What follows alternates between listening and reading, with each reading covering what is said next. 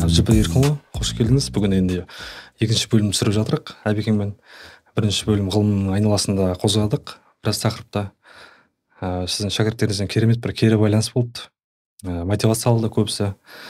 Енді сізден кейін ә, ұлттық ғылыми онкология орталық трансплантация орталығының ә, жетекшісі мелс нұрсейітұлымен жалпы трансплантация негізгі проблемаларын негізгі мәселелерін қозғап өттік. Ә, соның арасында мелс нұрсейітович қазақстанда ә, нефрологтардың именно трансплант нефрологтардың мамандар жетіспеушілігі жетіспеушілігі жағын қозғап кетті. Енді мамандар аз деп. Осы региондарда нефрологтардың именно трансплантациядан дайындығы бар нефрологтар жетіспейді. Жалпы сіздің көзқарасыңыз қандай осы мәселеде? Өте орынды сұрақ негізі. Ыыы мелс нұрсейітовпен келісемін ол өткенде өте өте күшті бір өзінің несіні ойларын айтты болып жатқан. Ә, енді өкінішке орай сондай бүкіл қазақстанда науқастар келіп осы үлкен қалаларда трансплантация жасайды. Бірақ кейін өздерінің ә, тұрып жатқан мекемелеріне барғаннан кейін ол жерде трансплантациядан кейінгі жүргізу ә, нефролог дәрігерлер өте тапшыл. Олар табу қиын. Ә, сол үшін ол қазіргі таңда өте үлкен бір проблема. Ә, енді менің ойымша бұл мәселені екі үш түрлі шешуге болады. Ә, бірінші болып ә, қазіргі таңда жетіспей жүрген нефрологтарды мүмкін болса қазіргі ә, қазіргі таңда жұмыс істеп жатқан нефрологтарды сол әр өзінің ауданына қарай өзінің облысына қарай ең азында екі нефролог оқыту керек трансплантация саласында. А оны ә, осы ә, жергілікті управление здравоохранения дейді ғой. Содан ақша бөліп па немесе больницалардың сол үлкен облыстық ауруханалардың бюджетінен бөліп па. Ә, сондай ә, осы оқимын деген ә, ниет білдірген нефрологтар болса әр ауданда ең азында бір екі нефролог осы трансплантация бағытында оқыса жақсы болар еді.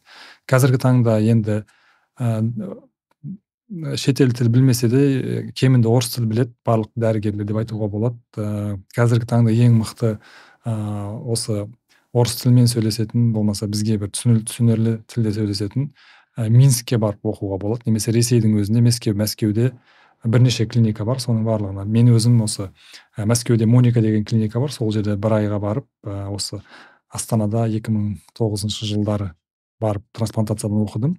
Өте керемет ә, жаңағы ә, осындай бір ұлттық ғылыми орталық. Ол жерде ә, болмаса минскке барып белоруссия қаласына да алуға болады. Енді тіл біліп жатқандар болса шетелге барса әрине ә, нұр үстіне нұр.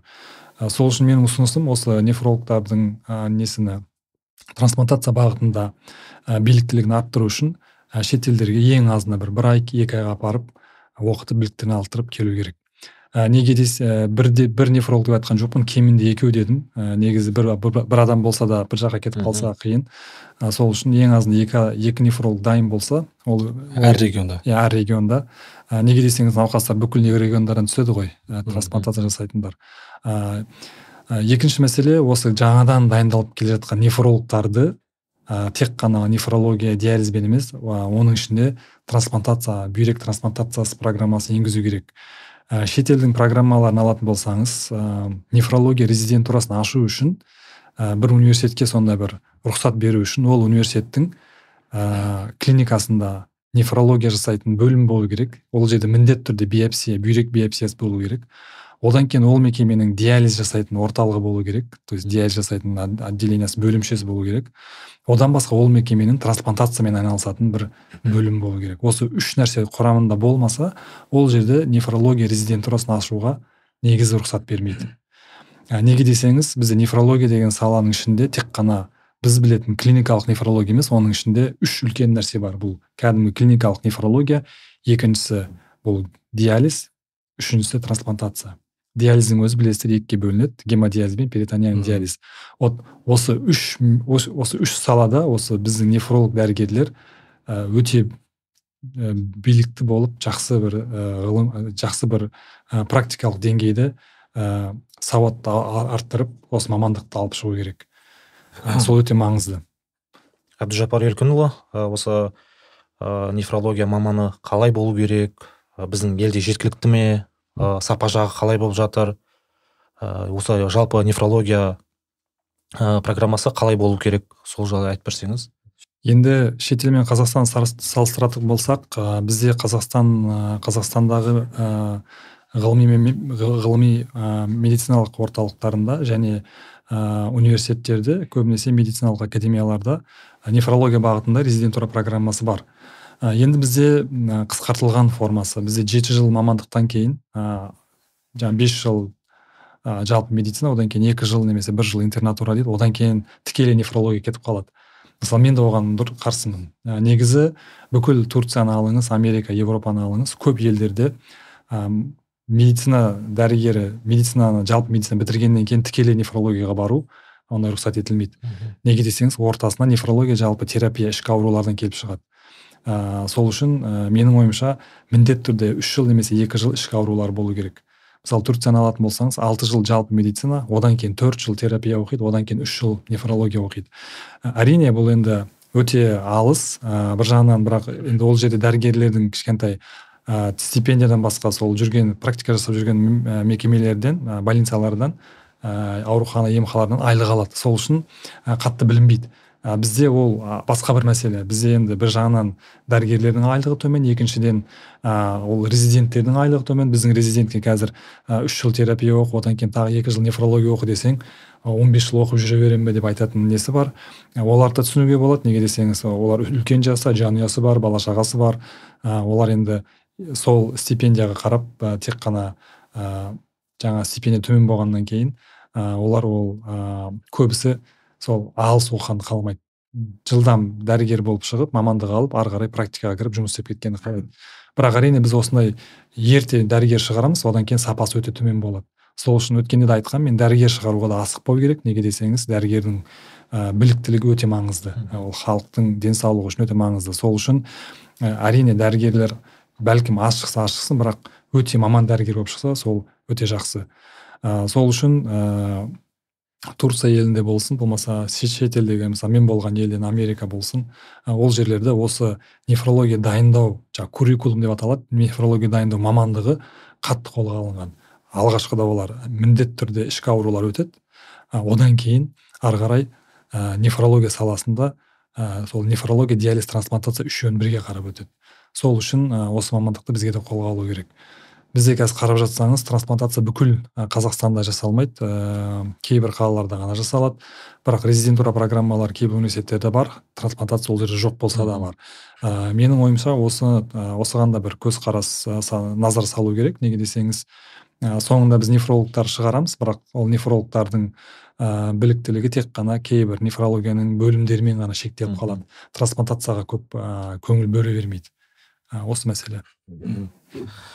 Ыыы резидентурада қанша жыл оқымасын? Материальный компенсация дұрыс болса ол ешкім отказ береді деп ойламаймын. Он жыл оқыса да даже. Ең басты мәселе. Одан бөлек екінші мәселе бізде кафедра дайын ба? Мысалы жылына өзгерткенмен де. Біздің осы нефрологтарды оқытып шығаратын кафедра қазір бізде кадрлардың саны қалай? Осы сұраққа енді ол сұраққа қатты тікелей жауап бере алмаймын. Ә, негізі кафедралар бар. Ә, алматыда мықты кафедра бар. Асфендияров университетінде. Мен білетін үлкен мамандар жалпы трансплантацияны жақсы білетін нефрология диализ ол жақта жақсы кафедра бар. Астанада білетін кафедрамыз бар. Ә, өзіміздің коллегаларымыз жұмыс істейді. Бірақ енді мен ол жерде жұмыс істемегеннен кейін ә, мамандар қаншалықты білікті шығатынын білмеймін. Ә, негізі нефрология ретінде жалпы бір ә, қатты бір ә, жетіспеушілік жоқ деп ойлаймын. Негізі жетіспеушілік бұл трансплантация саласында білу. Осы резидентура программа оқығаннан кейін ә, оның ішінде трансплантация саласында біліп шығу. Менің тағы бір келіспейтін нәрсем нефрология в том числе детская взрослая. Бал, бала нефрологиясы және үлкен бірге екеуі. Ол мүмкін емес негізі. Ол қалай сен бір адамды иә бұл ә, бізде жалпы медицина оқимыз ә, ә, негізінде түбінде ол дұрыс емес та. Мысалы нефрология бойынша бәлкім ә, педиатри, педиатрический нефрология оқығандар үлкен нефрологияны білуі мүмкін. А бірақ та үлкен нефролог жаңағы ә, взрослый нефрология оқыған кісілер педиатрик педиатрический нефрологияны білу өте қиын. Ә, сол үшін бұл екеуі жеке болу керек. Ә, мысалы біздің университетте ә, жалпы медицина төрт жыл оқығаннан кейін ә, жалпы сегіз жыл болады. Үш төрт жыл премедицина одан кейін төрт жыл медицина. Одан кейін егер ә, детский нефролог боламын десе үш жыл бірінші педиатрия оқиды. Ал взрослый нефролог боламын десе бірінші үш жыл терапия оқиды. Одан кейін барып екі жыл педиатрический нефрология жеке оқиды. Одан немесе жаңағы взрослый нефрология екі жыл жеке оқиды. Осы екі жылдың программасының ішінде өз айына бөлініп қойылады. Төрт ай жаңағы клиникалық нефрология отделениеда жаңағы биопсиясы бар жерде жүргізу керек. Одан кейін екі ай амбулаторный нефрология одан кейін төрт ай бес ай диализ одан кейін төрт бес ай ол қайтадан трансплантация. Осы үш отделениеда айналып жүріп үш отделениеда жүру керек. Соңында осы бізде шыққан нефролог трансплантация диализ және ә, нефрологияны жақсы біліп шығу керек. Жал, жалпы осындай. Әбдіжаппар еркінұлы мысалы мен мамандығым детский анестезиолог реаниматолог. Біз жиі мен инфекционный больницада жұмыс істеймін. Жиі ә, бұндай пациенттер бізге жолығады. Яғни кішкентай балдар. Ә, гемолитика уремиялық синдроммен соның салдарынан олардың яғни бүйрек істен шыға бастайды. И біз ә, балалар ә, осындай несінде практикасында жиі перитонеал диализ қолданамыз. Яғни ә, яғни ортақ салмақтарына байланысты он килодан төмен болса. И мен бір байқаған нем ә, егер ә, мысалы перитонеал диализ қоятын болсаң оның ә, почкасы өзі аздап болса да ә, выделительный функциясы істеп тұрады. Ал гемодиализға көшетін болсақ ол жақта полностью анурия болады в основном. Яғни біз балдарда жиі осы перитонеал диализ қолданған ұтымды сияқты. И осы менің ә, сізге сұрайын дегенім осы ересек адамдарда яғни ересек науқастарда ә, осы бүйрек істен шыққан кезде сондай перитонеальный диализ қолдана ма практикада? Жалпы осы иә енді сіз айтып тұрған жағдай бұл жалпы бүйректің жедел жұмыстан шығуы острый почечный повреждение деп аталады. Ол кезде нәресте ә, жас балдарда ә, нәрестелерде көбінесе перитонеальный диализ қолданады. Неге десеңіз ә, гемодиализ ә, фильтрлеріне байланысты ә, салма науқастың салмағына байланысты. Ә, жалпы ә, бүйрек ауыстырмалы терапия деп аталады. Немесе заместительная почечная терапия. Ол өздеріңіз білесіздер ол үшке бөлінеді. Біреуі гемодиализ перитонеальный диализ және трансплантация почки да бүйрек трансплантациясы. Ә, менің көз ә, жалпы дүниежүзіндегі көзқарас бойынша ә, әрбір науқас ә, бүйректің соңғы ә, жетіспеушілік ә, соңғы дәрежесіне жеткен кезде ә, оған бүйрек ауыстырмалы терапиясы басталар кезде ең ыңғайлысы негізі егер де донор болмаса егер де трансплантацияға бармаса жаңағы преемптивный трансплантация деп аталады өткенде мелис нұрсейітов айтып кетті. Ә, егер де неғұрлым науқас диализге бармай ә, тікелей бүйрек трансплантация жасатса өте жақсы. Неге десеңіз оның ә, жаңағы бүйректің жұмыс істеуі бүйрек трансплантация жасалғаннан кейін біз трансплантат деп аталамыз немесе ағылшын тілінде графт деп аталады оның өмір сүру ұзақтығы одан да ұзақ болады. Әрине бұл жерде басқа факторлер де бар. Қаншалықты ол адам екі донор мен реципиенттің арасында ә, сәйкестік қаншалықты жоғары болды соған да байланысты. Ал егер диализге келетін болсақ науқастың қазіргі таңда вот оған бүйрек ауыстырмалы терапия басталу керек. Бірақ ол әрі ә, трансплантацияға дайын емес болса онда тек қана екі выбор бар. Жаңағы біреуі ә, бұл диализ жасау гемодиализ жасау керек екіншісі перитониальный. Ә, физиологиялық тұрғыдан қараған кезде перитониальный диализ өте тиімді. Ә, неге десеңіз жаңа сіз айтпақшы жаңа сұрақ болды ғой не үшін кіші дәреті жоқ болып кетеді анада кіші дәреті қалады деген. Перитониальный диализ жасаған кезде біз өзіміздің ішек май деп айтамыз ғой. Жаңағы брыжейка деп аталады. Сол брыжейка фильтр рөлін атқарады. Қандағы жоғары креатин мочевина ә, осылар ә, жоғары қан қанның құрамында жоғары болғаннан кейін сол жаңағы брыжейкадан ә, біз перитониальный диализде асқазан асқазан қауым брюшной полость иә брюшной полостьқа жидкость құямыз сұйықтық құямыз перитониальный сұйықтық. Сол жаққа өтеді диффузиямен өтеді. Ә, бірақ ол ешқандай артық ультрафильтрация алмайды. Ә, неге десеңіз ә, ультрафильтрация көп алып қойсақ қанда объем циркулирующей крови деп аталады ғой сол түсіп кеткеннен кейін адамның кіші дәреті қалмайды да. Ал перитониальный диализ ол болмайды. Сол үшін біз оны остаточный ә, функция почек деп аталады ә, или остаточный моча. Ә, перитониальный жас перитониальный диализге барған науқастардың кіші дәреті көп дейін сақталады ә, неге десеңіз әрі өзінің бүйрегі жұмыс істейді әрі жаңағы ә, брыжейкасы сол ә, диализдің функциясын атқарады сол үшін ә, қай литератураны ашсаңыз ашыңыз қай деректерді ашсаңыз да бірінші очередь ә, мүмкін болса перитониальный диализге өту керек деген болады енді қазақстанда әрине ә, бізде бір он мың науқас бар болса соның тек 98 үлкендерді ересектерді айтайын. Балдарда әрине перитониальный диализ өте көп. А ересектерде ересек науқастарда көп ә, 97 пайыз гемодиализ. Тек қана үш пайыз ғана перитониальный диализ. Оның себептері көп. Біріншіден ә, ол ә, көп диализдің центрлері жасалмайды. Екіншіден кішкентай тарифінде бір ә, мәселелер бар. Неге десеңіз диализ жасағанда гемодиализ жасаған кезде ә, ол полностью төленеді. Ә, жасаған кезде кейбір кезде ә, сол төлем процесі қиын болғаннан кейін көп мекемелер оны өзінің үстіне алғысы келмейді. Ә, бізде бірінші рет ұлттық ғылыми медициналық орталықта 2013 жылы перитониальный диализді бастадық. Ә, венера ханапьевнаның көмегімен бірінші ә, жас балдарда басталды педиатрический нефрологияда басталды одан кейін біз бастадық. Ә, өте керемет біздің науқастар енді ә, өте соған мысалы бізде бір науқас болды сол тікелей перитониальный диализ бастады екі жылдан кейін трансплантация өтті ол гемодиализ алған жоқ.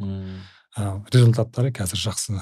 Әлі дейін ол мысалы науқаспен ә, қарым қатынаста тұрамыз да. Ә, сол үшін перитониальный диализ ол физиологиялық тұрғыдан ең жақсы. Неге десеңіз ә, өзінің бүйрегі науқастың өзінің бүйрегі жұмыс істеп тұрады. Ә, бір жағынан ә, бүйрегі қаншалықты жұмыс істесе соншалықты ол ә, тамақ жеуінде су ішуінде бір қатты кедергі болмайды. Неге десеңіз бүйрек қаншалықты төмен процент жұмыс істесе де электролиттер калий басқа заттар шығарып тұрады ол. Осындай. креатин шықпаса да хотя бы ал гемодиализде енді ол да науқастың профиліне байланысты. Гемодиализ жасаған кезде көбінесе осы ультрафильтрация қоямыз одан кейін көп салмақ жинап қоямыз ультрафильтрацияны көбірек қоямыз. Иә одан кейін қанды айналым үшін жаңағы сетті қан айналғаннан кейін әр диализде бір 20 миллилитр сондай қан потеря болады. Соның барлығы жаймендеп өзінің бүйрегінің ишемиясын алып келеді да. Ол оның солып қалуы тез болады. Сол үшін диализге гемодиализге әсіресе гемодиализге түскен науқастар бір екі жылдан кейін ә, кіші дәрет ә, тоқтап қалады. Енді ол жерде кейбір кезде перитониальный диализ жасай алмайсың. Ә, оның противопоказаниялары болады. Кейбір кезде ә, гемодиализ ә, жасауға тура келеді сол кезде.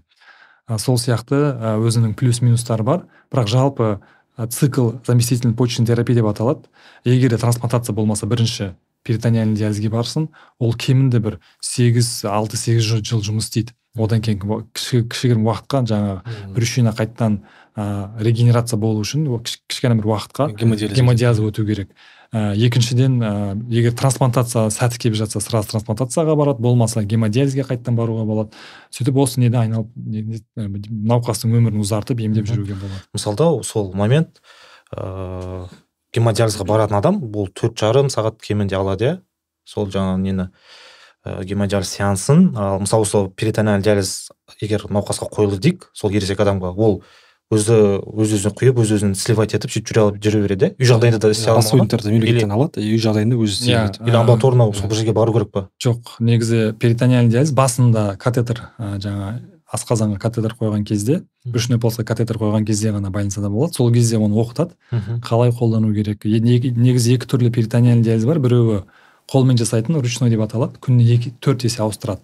Екіншісі ә, бұл автоматизированный дейді ә, или циклермен жасалады. Ә, оның өзі аппараты бар циклер қойып қоясыз кешке жатар кезде салып қосып қоясыз он бір сағат өзі ә, неңізді жаңа ішеңізде суды асқазанға суды апарып брюшной полостан ауыстырып тұрады. Ә, таңертең өшіресіз ә, күндіз күн боссыз бірақ ең жақсы жаңағы ә, айтайын дегенім ә, біз өзіміз де кіші дәретке күнде бірнеше рет барамыз ғой. Сол сияқты ғой. А ойлаңыз қазір сіз бір күнде кіші дәретке бармайсыз одан кейін через ден барасыз. Күнара барасыз ол қиын ғой. Иә. Yeah. диализ сондай күнара барасың. Ал бұл жерде ә, біріншіден сен күнде төрт рет ауыстырасың. Төрт рет ауыстырған кезде енді салмақ ә, именно жаңағы жидкость көбейіп су артып бара жатса ультрафильтрация функциясы да бар. Жаңағы перитониальный сұйықтықты комбинациясын кішкентай ауыстырып ультрафильтрацияны көбірек алуға болады. Сол кезде ол боль жаңағы физиологиялық тұрғыдан өте тиімді дегенім сол. Адамның денесіне қатты бір зиян келтірмейді. Тек бір себеп бар перитонит деген. Бірақ ол перитонит те біздің ана ә, хирургтардың көретіндей бір ә, перфоративный перитонит сияқты емес. Егер де сұйықтықтың түсі өзгерсе ә, соның анализін аласың кейбір симптомдар бар соларға қарай анализін алып антибиотигін беріп емдеуге болады. Бірақ физиологиялық тұрғыдан перитониалды диализ өте тиімді. Гемодиализде мысалы аппаратқа байланып қалады алыс жаққа кете алмайды күнара болғасын. Перитонеальный диализ мысалы алыс сапарға шыққан кезде өзімен бірге алып жүрсе болады иә негізі бізде сондай ситуациялар болды. Біз екі мың он үш бастаған кезде біздің бір науқасымыз мен сыртқа шығамын деді қыдыруға. Сол кезде біз жаңағы сұйықтық беретін фирмаларға жаздық. Осы науқас анталияға барады немесе дубайға барады деп. Олар болды сол жақта ыыы растворларын дайындап қоямыз дейді неге десеңіз бұл жерде аппаратты алып жүрмейсіз ғой. Қолмен ауыстыратын болғаннан кейін сізге сол перитониальды сұйық, сұйықтықты әкеліп берсе болды. Ә, оны бір ә, стерильный бір комната болса сол стерильный комнатада ә, жаңағы жиырма минут суын ағызасыз қайтадан суыны жаңа су құясыз күніне төрт рет ауыстырады. Әр алты сағат сайын ауыстырады. Енді науқастар оған ә, оқытылады ә, үйретіледі оларға қолын қалай жуу керек перитонеаль суды ауыстырған кезде гигиенаны қалай сақтау керек. Ә, сол біздің мысалы біз бір өзіміздің науқасымыз шетелдерге шығып былай жаңағы ары бері барып келуі оңайлау болды. Тағы бір науқасымыз айтады бір жерге қонаққа баратын болсам айтамын дейді. Растворымды алып аламын бір комната дайындап қой. Сол жерге өмір сапасы жеңілдейді иә өмір сапасы жеңіл. Одан кейін ә, мына қаншалықты біздің науқастарда диализ бастаған науқастарда ә, остаточный моча дейміз ғой жаңағы өзінің диурезі қаншалықты сақталса соншалықты олардың жүрек проблемалары аз болады соншалықты олардың өмірі ұзақ болады. Сол үшін бізге ең маңыздысы жаңағы остаточный моча деп аталады соны ә, сақтап қалу. Неге десеңіз енді біз бүйрек жұмыс істемейді болды деп бүйрегін алып тастамайды ғой. Ол бүйрек жұмыс істемесе де ә, қаншалықты бір ә, пайызда ол жұмыс істеп тұрады. Гормондар шығарады. Ә, кішігірім болса да су тазалап тұрады. Мысалы бір литр су артық ішіп қойсаңыз ең азында бір сегіз жүзін қайтадан шығарады. Сол үшін бізге өте маңызды. Ал егер де науқаста жүз пайыз ә, кіші дәрет болмаса ол науқас жүргізу қиын. Неге десеңіз ол әр су ішкен сайын ол шықпайды ғой. Шықса терімен кішігірім шығуы мүмкін бірақ ол денеден иә одан кейін жүрекке нагрузка түседі. Ары қарай басқа осложнениялары жаңағы асқынулар пайда бола бастайды. Жалпы қорытындылай келе перитонеальный диализден жүрген пациенттердің трансплантация трансплантациядан кейінгі жаңағы органның өміршеңдігі ұзағырақ болады. Чем гемодиализге қарағанда. Асқынысы аз. Иә ондай ондай мақалалар ондай зерттеу зерттеулер бар зерттеу нәтижелері бар. Мен де жалпы жасай мысалы өзіміздің жаңағы дәрігерлік ғылыми презентацияларда ондай жақсы көрсетілген зерттеулер бар.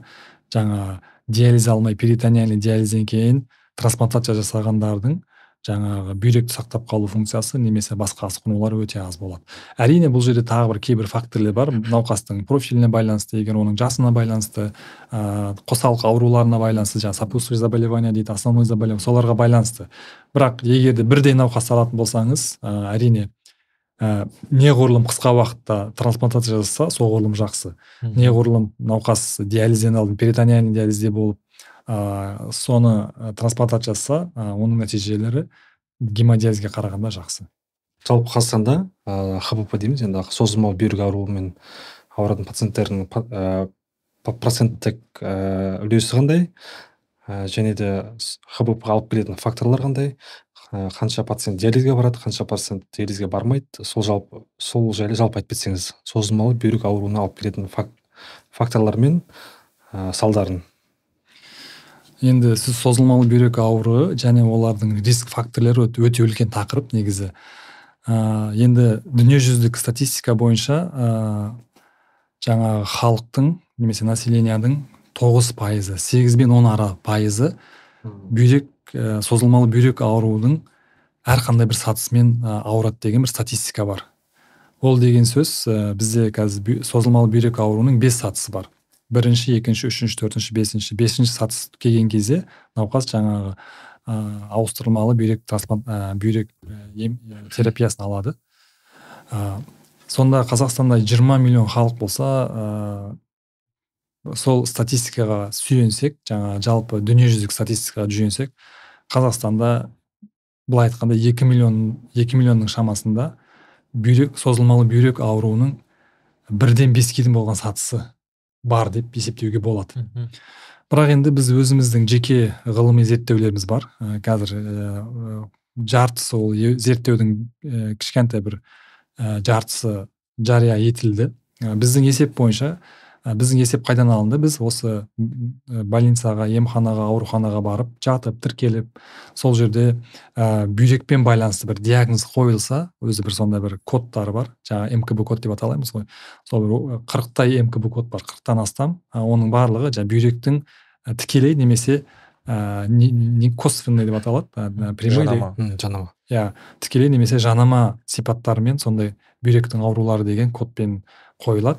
Мысалға бір адамның бір бүйрегі алып тастаса ол хирургический код жаңағы нефректомия почки деп аталады. Ол код ол науқас уже автоматты түрде созылмалы бүйрек ау- науқас деп аталады да. Ә, екіншісі ә, мысалы бір науқаста ә, аномалия почка болса мысалы ол да соған кіреді. Бір науқаста поликистоз почки болса ол да созылмалы бүйрек ауруына кіреді.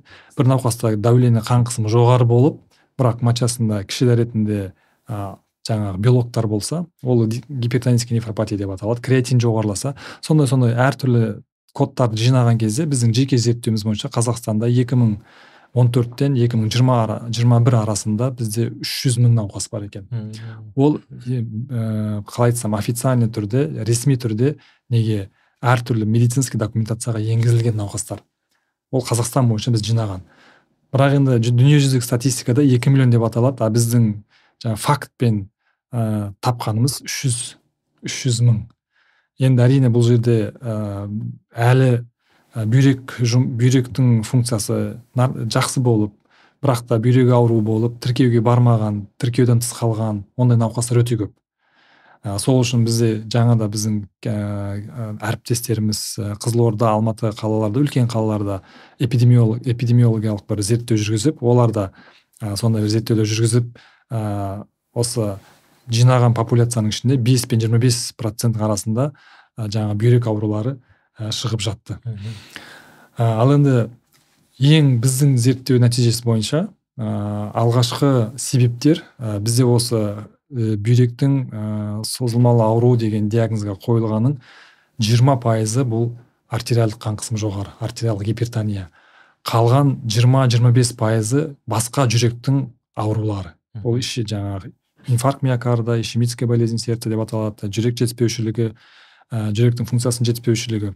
Жалпы алғанда 40 40 пайызы ә, жаңағы жүрек қан тамырлары аурулары болып тұр солардан келген одан келген одан кейінгі он пайызы былай орталама айтқанда он пайызы бұл диабеттің салдары.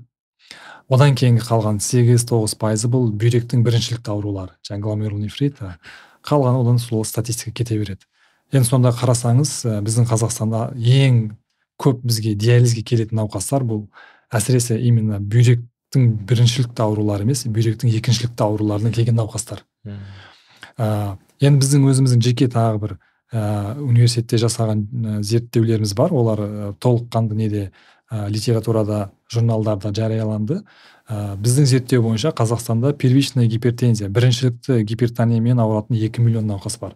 Бұл статистика 2019-да жасалған статистика. Ә, диабетпен біздің өзіміздің жасаған зерттеуде ә, 480 мың 500 мыңға жақын диабетпен бір, бір және екінші типпен ауыратын науқас саны бар қазақстанда.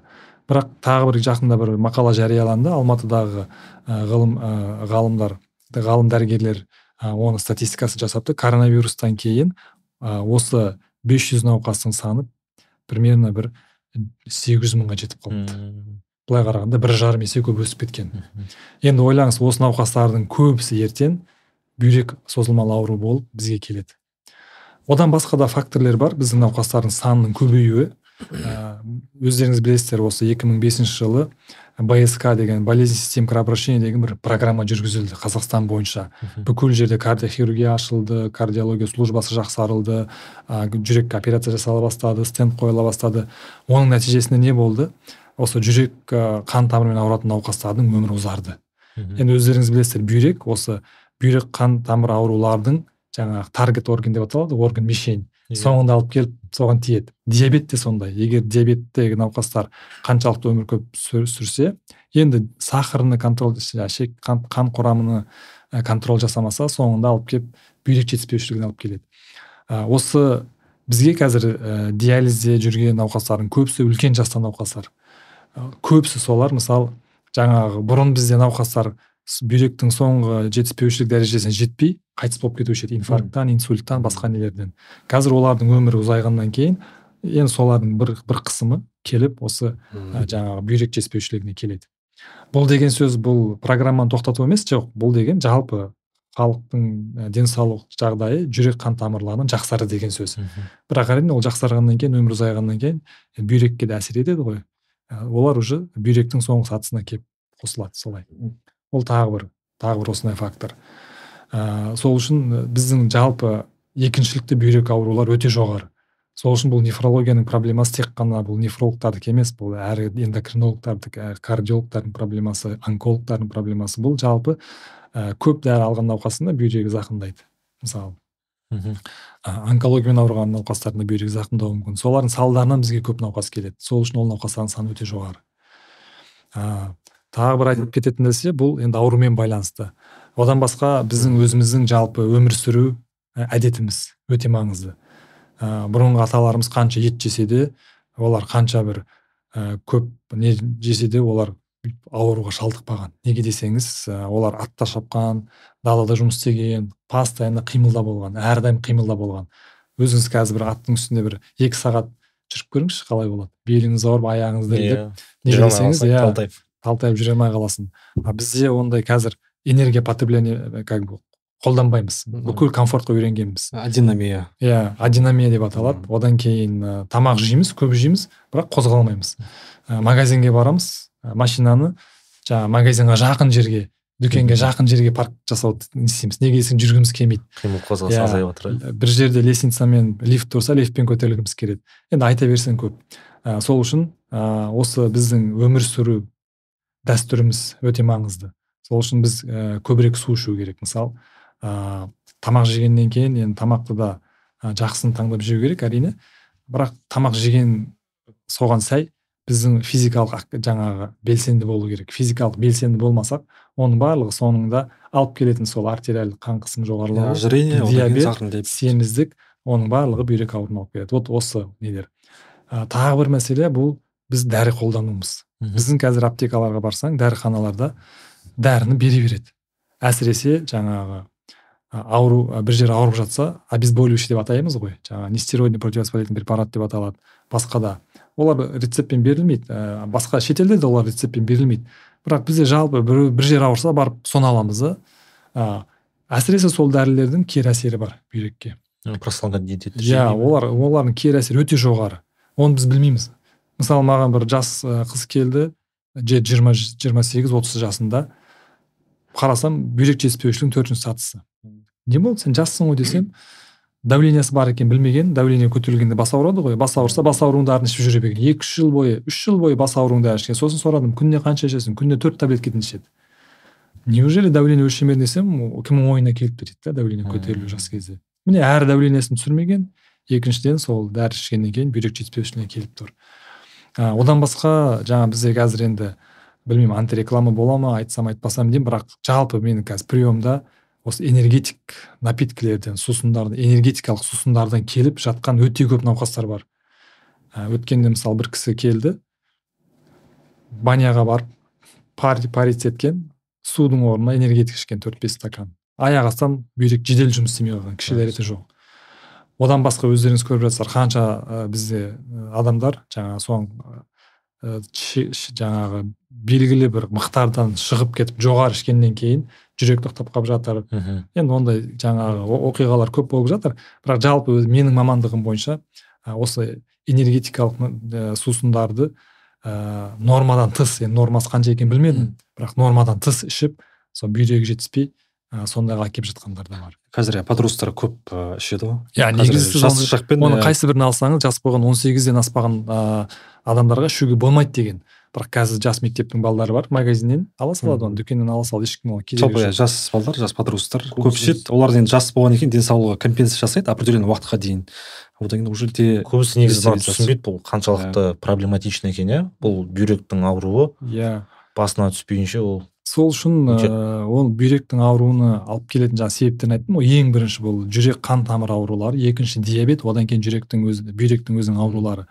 Оларды қалай контроль жасаймыз? Олардың алдын алу үшін оларды ерте анықтау керек. Скрининг. Иә мысалы менің әке шешемде давление бар болса диабет бар болса ықтимал менде де болады. Сол үшін мен постоянно скринингте жүруім керек. Өзім үшін барып сол нені өтуім керек? Медосмотрды. Өтірік медосмотр вообще болмайды. Ол ертең қайтып өзімізге келеді тиеді да. Сол үшін ол медосмотрдан өтіп егер қан жоғарылайтын рисктер бар болса давление жоғарылайтын әр, әр аурудың ең бастама сатысын анықталса оны тоқтатуға болады. Мгм. мысалы біреу келді давлениесі әлі жүз қырықта сексеннен енді асып бара жатыр. Оны тоқтатуға болады. Егер ол контроль жасамаса ертең ол жүз сексен жүз тоқсан болып кетеді давление. Оның контроль қалай? Салмағына қарайсың жеу тамағына қарайсың тұз азайтасың активитасын жаңағы физикалық белсенділігін көбейтесің диетасын дұрыстайсың салмағы жоғары болса салмағын түсіресің ол науқас давлениеден құтылады. Сахар да сондай. Егер диабет жаңағы преддиабет деп аталады ғой ондай науқастарды көріп жатсақ оны ә, тоқтатуға немесе сол бір қалыпта тұрдырып қоюға болады да. Ә, сол кезде бізде қаншалықты осы ә, қант диабетінің науқасының саны аз болса қаншалықты жүрек қан тамыры ауруларының науқас саны аз болса ә, бізде бүйрек ауруларының саны соншалықты аз болады. Неге десеңіз статистикада и осы екі ауру көбінесе бүйрек жетіспеушілігіне алып келетін аурулар. Одан басқа және атеросклероз деген бар енді айта берсең аурулар көп бірақ енді жалпы статистикада қатты рөл ойнайтын осы екі ауру жалпы гипертониясы бар науқастар мен сахарный диабет бар науқастар сіргінтен өту керек именно бүйректі тексеріп отыру керек. Одан кейін Э, клубочка фильтрацияны қосымша тапсыру керек па? Дұрыс иә оны Иә. соны айтайын деп тұрғанмын креатинин тапсыру керек. Бізде қырыққа толған кезде сізді поликлиникадан шақырады емдеу емханадан ә, звондап. Сізге айтады келіп чекап өтіңіз дейді. Өткенде сол сахар мен там бір екі нәрсе тапсырады. Бірақ креатин жоқ та ішіне соның ішіне міндетті түрде креатин қосу керек. Неге креатин қоспасқа? Және ә, жаңағы несептің жалпы анализін қосу керек. Ішінде белок бар ма жоқ па? Вот сол болса өте жақсы болар еді. Ә, одан кейін жаңағы біз жасаған зерттеулерде сосын бәлкім экранға қоярсыздар. Біз біз жасаған зерттеулерде қай ауру қай кезде адамның қай жасында жоғары көрінеді жоғары пик болады. Сол пиктердің алдында ол науқастар мінде ол сол адамдар міндетті түрде жаңағы скринингтен өту керек. Жалпы трансплантация сәтті өтеді операция болады донор табылады. Одан кейінгі этапта осы транспланттың енді жаңағы графтың ә, бақылау мерзімі сол жалпы сол ә, трансплантациядан кейінгі пациенттердің ә, бақылау жүйесі қалай болады ә, немедленно реагирование керек негізінде пациенттерге. Ә, жалпы м соларға бір ерекше статус берілу керек па қалай ойлайсыз мысалы? Бір жағдай мысалы орвимен ауырып қалса пневмониямен ауырып қалса немедленно бұл экстренно ә, обратная связь болатындай ә, ерекше бір статус берілу керек па қалай ойлайсыз иә негізі өте орынды сұрақ неге десеңіз ә, жаңа бұл да келіп ә, нефрологтардың біліктілігіне байланысты нәрсе. Ә, жалпы хирургтар трансплантологтар трансплант жасағаннан кейін ә, ол келіп нефролог нефрологтың қарамағында болады. Бірақ та өздеріңіз білесіздер науқастардың көбісі ауылды жерлерден келеді немесе алыс аудан, аудандардан келеді. Ал трансплантация асқыну болған кезде оны емдей алатын больн- жаңағы ауруханалар өте шектеулі. Астанада алматыда ары баратса осы неге десеңіз ол науқастарды отторжение болып жатыр ма болмаса болып жатқан жоқ па оны жасайтын ә, бір екі анализдермен биопсия биопсия бүйрек биопсиясы немесе трансплантат биопсиясы өте маңызды. Ә, сол үшін менің ойымша ә, ондай науқастар ә, егер де бір трансплантациядан кейін асқыну болып жатса оның ішіне әрине пневмония да кіреді инфекционный аурулар да кіреді әртүрлі температура болсын немесе креатиннің жедел көтеріліп кету. Ондай науқастар әртүрлі кедергілерден аттап тікелей осындай больницаларға түсу керек. Ә, бір жай бір сценарий мысалы айтсам ә, алыс ауру алыста жатқан мысалы бір ауылды айтыңыздаршы қазақстан ауыл ауылдан бір науқас келіп қалада трансплантация бүйрек трансплантация жасатты. Одан кейін қайтадан өзінің ауылына кетті. Ода ертең бір қиыншылық болса асқыну болса ол ауданға немесе облысқа немесе осы қалаға келем дегенше қанша кедергіден өту керек. Ол порталға қойыласың анау дейді мынау дейді ә, оның арасында бір кемінде бір бес алты күн өтіп кетеді. А бұл жерде егер трансплантацияда отторжение болса жаңағы оны жаңа сіз айтпақшы ә, немедленно реагирование болу керек. Ол науқас міндетті түрде тездетіп осы өте жоғары мамандылық ауруханаға алып келіп керек керек ә, жаңа диагностика және емдер сол сәтте жасалу керек. Неге десеңіз трансплантация жасау үшін қаншама қаражат бөлінді қаншама күш сарпталды ем, еңбек жасалды. А соңында біз оны құтқарып қала алмасақ ол үлкен бір мәселе. Сол үшін біздегі мынау бір жерге больницаға жатайын десең кейбір қағаздар жинау керек ол плановый порядке деген басқа. Вот экстренный науқастар болса бізде құдайға шүкір қазір қазақстанда санавиация бар басқа нәрселер бар. Ә, жедел жәрдем болған ә, жедел бір ихтияж ә, мұқтаждық пай- пайда болған кезде ә, санавиациямен алып келіп жатыр ондай науқастар. Сол үшін біздің науқастарда да сондай трансплантациядан кейінгі әрқандай науқас болсын бүйрек трансплантациясы болсын жаңа бауыр трансплантациясы болсын болмаса басқа орган трансплантациясы болсын оларға да сондай бір протокол жасау керек. Неге десеңіз соншама еңбек сарптап жасаған осындай трансплантацияның соңында ә, уақытында көмектесе алмасақ ол ертең бүйректен немесе жаңағы бауырдан айырылып қалуы мүмкін. Сол үшін ол науқастар осы қазақстандағы жоғары мамандық ә, жаңағы высокоспециализированный помощь оказать ететін. Сондай бір больницаларға енді астана алматыға жедел түрде келу керек. Вот осы бір маршрутты жасау өте тиімді деп ойлаймын. Ә, оның өзі қаншама науқастың ә, бүйрегіні немесе сол жасалған асқынулардың алдыны сақтап қалу өте жоғары. Ә, негізі осы ә, бүйректің отторжениясы жаңағы субклиникалық стадия деп аталады енді енді басталып келе жатқан сол сәтін ұстап алу өте маңызды да. Ә, әрине қазір оны жаңағы мен айтқан ауылдағы ол районный больницаға барады. Ол жерде нефролог бар ма жоқ па белгісіз. Ол жерде терапевттер емдеп көріп одан кейін ә, аудандық неге барады одан кейін облыстық жаңағы барады. Жатады а ол креатин екі жүз жүзге шығып кеткеннен кейін а деп одан кейін астана алматыға жіберіп жатады. Вот ең маңыздысы осы отторжение болатын науқас немесе отторжениеден басқа асқыну ә, қандай да асқыну болсын ә, ешқандай разница жоқ. Қандай асқыну болсын ол вирустық инфекция болсын басқа инфекция болсын ол науқас міндетті түрде жоғары біліктілік ауруханаға келу керек. Ә, енді оны сондай бір критерий жасау керек. Ә, ол креат ә, болар болғаннан кейін алып келгеннен кейін пайдасы да болмайды да. Сол үшін оны жаңа ең алғашқы ретінде жаңа ранный диагностика деп аталамыз ең алғашқы сатысында соны ә, сондай бір диагноз қойып одан кейін оны міндетті түрде өте жоғары сапалы больницаға ауруханаға апарып сол жерде емдеу керек. Ал ол сатыларын табу үшін жаңа біз айтпақшы ә, дәрігерлерді дайындау керек. Егер ол дәрігерде сондай бір күдік болса дәрігер дәрігерде емес дәрігер науқасты қараған кезде сондай бір күдік болса сондай бір сомнительный жағдай болса ә, ол мекеменің шарайт жағдайында ол диагноз қойыла алмаса ол міндетті түрде жаңа санавиацияны қолданып болмаса басқа бір маршруттарды қолданып ол науқас жедел түрде өте жоғары біліктілік ауруханаға апарылу керек. Өте маңызды. Әбжеп бегерқұлы бірінші бөлімде енді ғылымның айналасында үлкен тақырып қозғадық. Сол бірінші бөлімнен кейін ә, сіздің шәкірттеріңіз жалпы медиктер резиденттердер даже дәрігерлерден кері байланыс өте керемет болды. Жалпы сіздің ана практика мен ғылымды бірге алып жүру деген тақырыбыңызға ә, көп адам шабыттанды мотивация алды десек те болады көп адам жазды. Ә, енді екінші бөлімде осы нефрология саласын тереңірек талқылап біттік. Сізге рахмет келгеніңізге.